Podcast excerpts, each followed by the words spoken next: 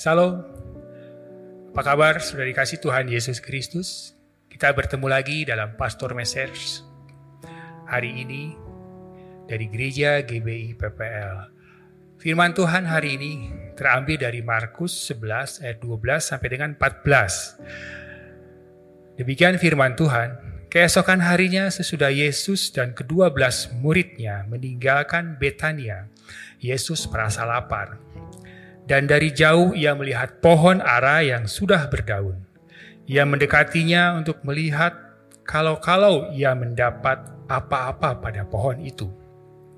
Tetapi waktu ia tiba di situ, ia tidak mendapat apa-apa selain daun-daun saja, sebab memang bukan musim buah ara. Ayat 14, maka katanya kepada pohon itu, Jangan lagi seorang pun makan buahmu selama-lamanya dan murid-muridnya pun mendengarnya. Sudah dikasih Tuhan Yesus Kristus cerita dari pohon ara ini, pohon ara yang rimbun, pohon ara yang tampaknya baik, tapi ketika Tuhan Yesus menghampiri pohon ini untuk mencari sesuatu yang bisa dia makan, ternyata pohon ara tidak ditemukan adanya buah. Dengan kata lain, pohon ara ini tidak berbuah. Kemudian melihat pohon ara tidak berbuah, Tuhan Yesus marah karena tidak mendapatkan buah untuk bisa dia makan. Dan mengutuklah pohon ara itu menjadi kering, bahkan mati hingga ke akar-akarnya. Nah, sudah dikasih Tuhan Yesus Kristus, apa pelajaran yang kita dapat dari Tuhan Yesus mengutuk pohon ara ini? Yang jelas Tuhan Yesus marah karena didapati pohon itu tidak berbuah. Kenapa pohon itu tidak berbuah? Memang karena musimnya belum berbuah. Nah, apa yang di, akan disampaikan oleh Tuhan Yesus kepada murid-muridnya dengan cerita ini? Ternyata Tuhan Yesus ingin memberikan pengajaran kepada murid-muridnya dan kepada kita melalui firman yang kita baca hari ini adalah tentang iman tentang iman percaya kepada Tuhan Yesus Kristus.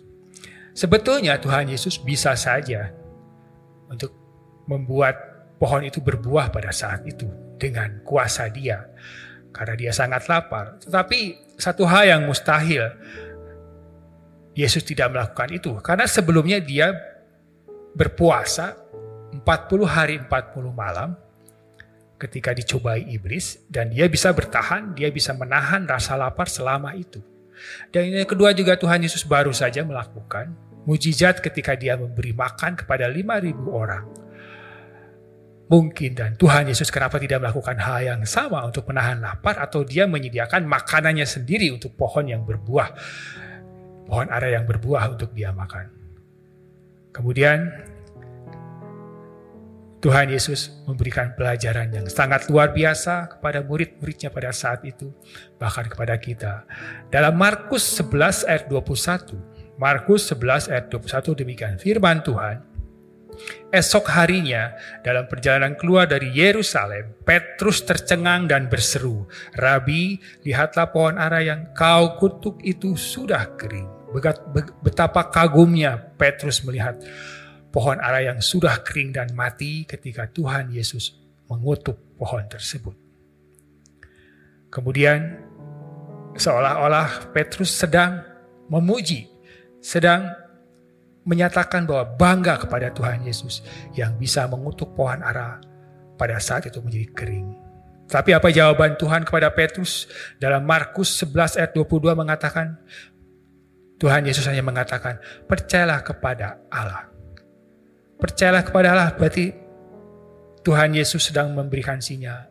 Imanmu harus kepada Tuhan Yesus.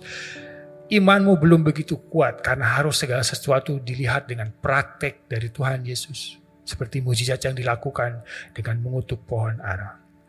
Ternyata dengan pohon ara ini Tuhan memberikan pelajaran pada murid-muridnya dan kepada kita untuk tetap beriman dan lebih kokoh imannya kepada Tuhan Yesus Kristus. Nah, sudah dikasih Tuhan Yesus Kristus.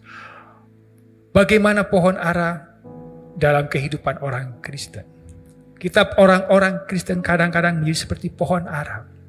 Pohon yang baik, pohon yang rimbun dengan daunnya. Pohon dengan oh, kita sebagai orang Kristen yang penuh dengan karunia, dengan talenta, dengan apa yang kita miliki, waktu yang kita miliki, semuanya untuk Tuhan, semuanya untuk pelayanan hari ke hari, tetapi tidak didapati buahnya. Nah ini yang kita harus pelajari bahwa kita harus berbuah kapan pun, di mana pun. Bahkan tidak musimnya pohon ara berbuah, Tuhan menanyakan mana buahnya. Nah Tuhan dikasih Tuhan Yesus Kristus. Dari pelajaran ini kita harus mulai bertumbuh karena Tuhan Yesus memokuskan hidup kita untuk tetap bertumbuh. Dan kita harus berani mulai ambil tindakan untuk mematikan hal-hal yang tidak perlu dalam kehidupan kita agar kita bertumbuh dan berbuah. Ketika Tuhan menyatakan buahnya sangat jelas, buahnya sangat dinikmati, dilihat orang bahkan berbuah dalam pelayanan kita untuk menjadi berkat bagi setiap orang. Pengalaman yang didapatkan dari pohon ara yang dikutuk oleh Tuhan. Pertama adalah betapa pentingnya hidup orang Kristen untuk berbuah sepanjang waktu, sepanjang musim, bahkan bukan musimnya, kita harus tetap berbuah di hadapan Tuhan. Yang kedua adalah kita harus mematikan segala sesuatu yang menghambat buah-buah kita, yang menghambat pertumbuhan kita, yang menghambat iman kita untuk percaya kepada Tuhan. Matikanlah segala sesuatu yang membuat kita terhambat. Pertama adalah matikan akar-akar yang tidak perlu. Akar-akar yang ada dalam kehidupan kita yang mengganggu pertumbuhan kita. Akar-akar seperti akar pahit, kebencian, kekecewaan, kekhawatiran, ketakutan yang membuat kita menjadi, buah kita menjadi tidak tumbuh dalam kehidupan kita.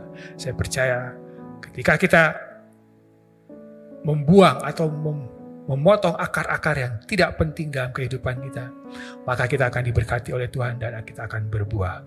Dalam Kolose 2:7 dalam Kolose 2 ayat 7a, demikian firman Tuhan, hendalah kamu berakar di dalam Dia dan dibangun di atas Dia. Saudara kasih Tuhan Yesus Kristus, berakar di dalam Tuhan Yesus, berakar di dalam Dia, maka Tuhan akan membangun iman kita dan kita akan tetap berbuah baik di hadapan sesama kita bahkan di hadapan Tuhan.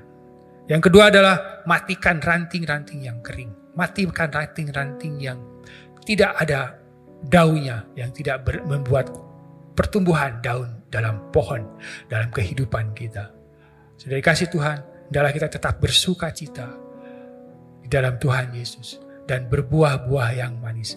Buah itu adalah roh buah adalah kasih, sukacita, damai sejahtera, kesabaran, kemurahan, kebaikan kesetiaan, kelemah lembutan, bahkan penguasaan diri. Itu yang dikatakan dalam Galatia 5 ayat 22 sampai dengan 23. Kasih yang kepada Tuhan Yesus, kasih kepada sesama, sukacita yang diberikan oleh suka, Tuhan dari dari Tuhan Yesus, sukacita yang dihasilkan dari hidup kita bersama Tuhan. Ada roh yang menyala-nyala untuk melayani Tuhan, ada roh yang menyala-nyala untuk menyembah Tuhan, bahkan terus memuji-muji nama Tuhan, bahkan melayani Tuhan Yesus. Kesetiaan dalam hidup kita, kesetiaan terus untuk setia mengiring Tuhan Yesus Kristus. Setia bersama-sama berjalan bersama Tuhan Yesus.